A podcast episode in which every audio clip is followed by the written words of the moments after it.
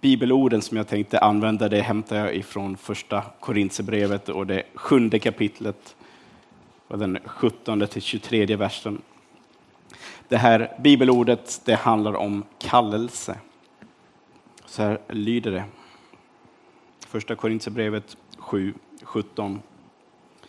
Bara det vet vi, att var och en ska leva i den ställning som Herren har tilldelat honom, då Gud kallade honom. Detta föreskriver jag i alla församlingar. Blir någon kallad som omskuren ska han inte försöka dölja det. Blir någon kallad som oomskuren ska han inte låta omskära sig. Detta har ingen betydelse. Det har ingen betydelse om någon är omskuren eller oomskuren. Det som betyder något är att man håller Guds bud. Var och en ska bli kvar i den ställningen han hade när han blev kallad. Blev du kallad som slav, så sörj inte över det. Även om du kan bli fri, så förbli hellre slav. Ty den som var slav när han blev kallad av Herren är Herrens frigivne, och den som var fri när han blev kallad är en Kristi slav. Ni har blivit köpta och priset är betalt. Var inte slavar under människor.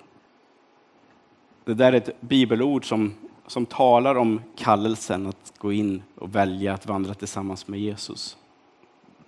Det handlar om att veta vad man fokuserar på. Det finns en del i den här uppräkningen. Alltså, det finns två saker jag undrar över. Dels vad Paulus menar när han skriver att det har inte någon betydelse om man är omskuren och oomskuren och den som är, ooms eh, den som är omskuren ska inte försöka dölja det. Jag vet inte riktigt vad han tänkte då. Det hoppas jag att de flesta som är omskurna försöker att dölja det för det mesta i alla fall. Eh, men när man ser, han menar ju hjärtat förstås, såklart, mer än kanske just den fysiska omskärelsen av de där privata delarna. Men i alla fall, Paulus försöker lyfta fram för församlingen att det är viktigt att se sin position i Herren. Att inte fokusera på vad man skulle kunna bli eller vad som skulle vara bättre. Utan säga att Gud, han har skapat mig till den jag är. Han har satt mig på den plats där jag är. Och just där jag är, där kan jag göra skillnad. Det låter lite hårt, ganska hårt utifrån vårt perspektiv av vad det innebär att vara slav. När Paulus säger, ”blev du kallad som slav så sörj inte över det. Även om du kan bli fri, så förbli hellre en slav. Eh, dels så kanske man behöver förstå vad det innebar att vara slav på den tiden. Det är lite mer likt att vara anställd idag. Men eh, ändå. Du, kunde, du var ägd, du hade inte fri bestämmande rätt över dig själv som slav. Men Paulus han lyfter fram det där att vår kallelse är inte att leva i enlighet med vår, vår förhoppning på framtiden sett till det världsliga, utan mera se på vem Jesus var och vad han gjorde. Så när, när, Paulus talar om att vi ska vara kvar i den kallelse vi har fått så innebär det att han vill att du och jag ska använda den gåva, den kapacitet som han från början har lagt ner i dig. Han vill att du ska använda den personlighet du har. Att du använder de gåvor du har fått. De intressen som, som han har gett dig. Han vill att du odlar dem. Han vill att du fortsätter att använda dem. Att du sätter dem i funktion. Därför att Gud har skapat dig unik. Och saker i ditt liv som har format dig, de kan bli till enorm välsignelse. Jag har sagt det förut, för en del, någon kanske det är nytt. Eh, men det är så, jag kommer så ofta till det.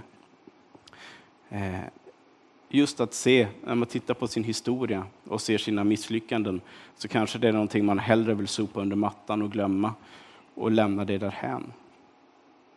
Men Gud ser på dina misslyckanden, dina fel, de saker som du har, har misslyckats med som en resurs. En dag när du står fast i den tro du har så kan Gud använda de delarna i ditt liv. Jag har en bön, förutom min glädje och, och stolthet av att tillhöra den här församlingen med som inte är så stor men som har ett fantastiskt genomslag på många områden. Jag tycker det är fascinerande, Ingrid, när vi får gå upp till kommunen och prata med folket där och försöka få dem att förstå att vi behöver ett härberge i den här stan. Alltså, vi får vara med och påverka. Och det finns, det finns ett behov av att människor ska få tak över huvudet. Vi vill inte vara med om det vi var med om i vintras en gång till. Och att då gå upp och prata och säga vad man menar, vad man tycker om saken och få höra att ja, men det här måste vi ordna. Och så påbörjas en process. Även om den är långt ifrån färdig så är det ändå en process där, där det snart kommer bli någonting utav det hela. Och blir det inte så har vi i alla fall lite knappar att trycka på. Alltså, Gud han använder de personerna som vi är. Han använder dig, han använder mig, därför att han ser en potential hos oss.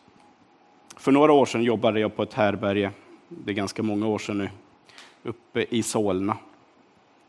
En av mina kollegor där, jag älskar honom, han heter Freski, heter Freski, från Etiopien, eller Eritrea kanske det var. Han bad varje gång när vi möttes det var innan passen, arbetspasset började. Han kom två timmar innan han började jobba. Han fick ju betalt för sitt arbete, men han kom två timmar innan han började jobba. Så kom han dit och så bad han. Och så gick han runt till alla rummen på härbärget och så gick han runt och så bad. Och så gick han till listan där de som var inskrivna på härbärget för, för natten var uppskriven.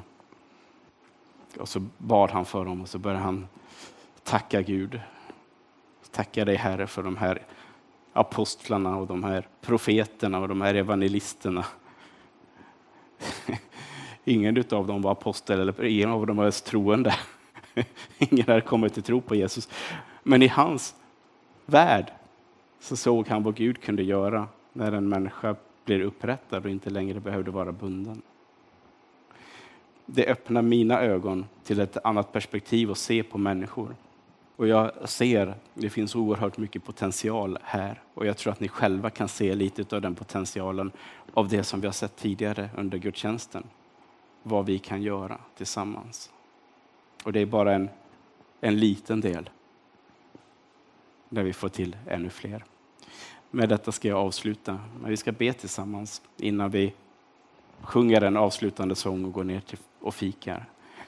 Och min bön är att ni ska få vandra tillsammans med Herren.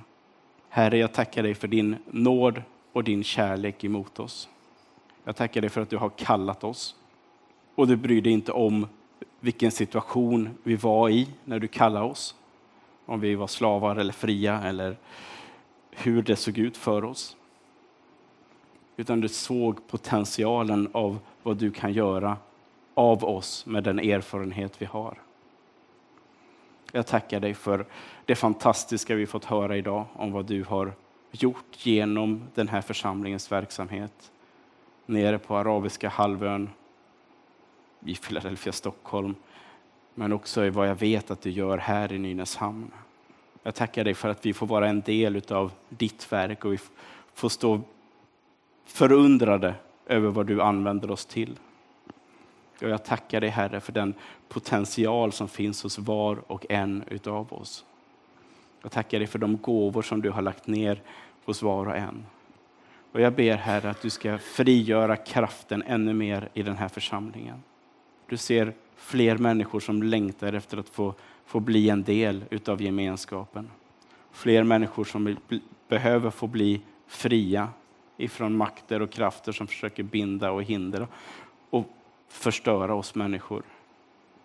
Vi tackar dig för möjligheten att vara med och sätta människor fria.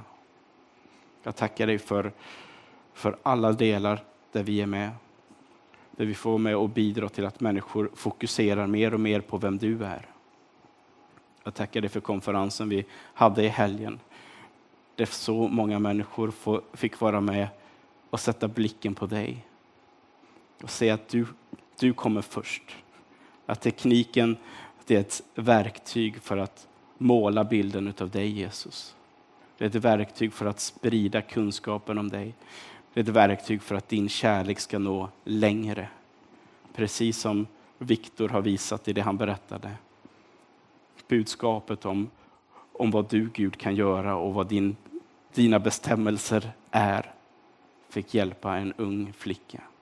Så Herre, jag ber, låt din församling här i Nynäshamn få, få uppleva kraften ifrån dig till fortsatta stordåd för ditt rike.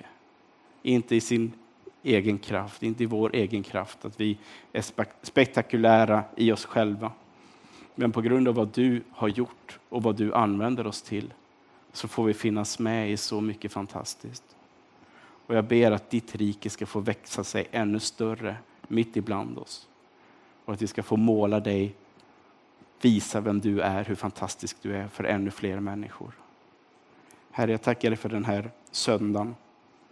Fylld med tacksägelse, trötthet, lite vemod, men med en enorm glädje och tacksamhet över att du är så fantastisk och att du älskar oss. Låt din nåd vara med oss. Låt ditt rike komma. Låt din vilja ske i Nynäshamn som i himmelen. Amen.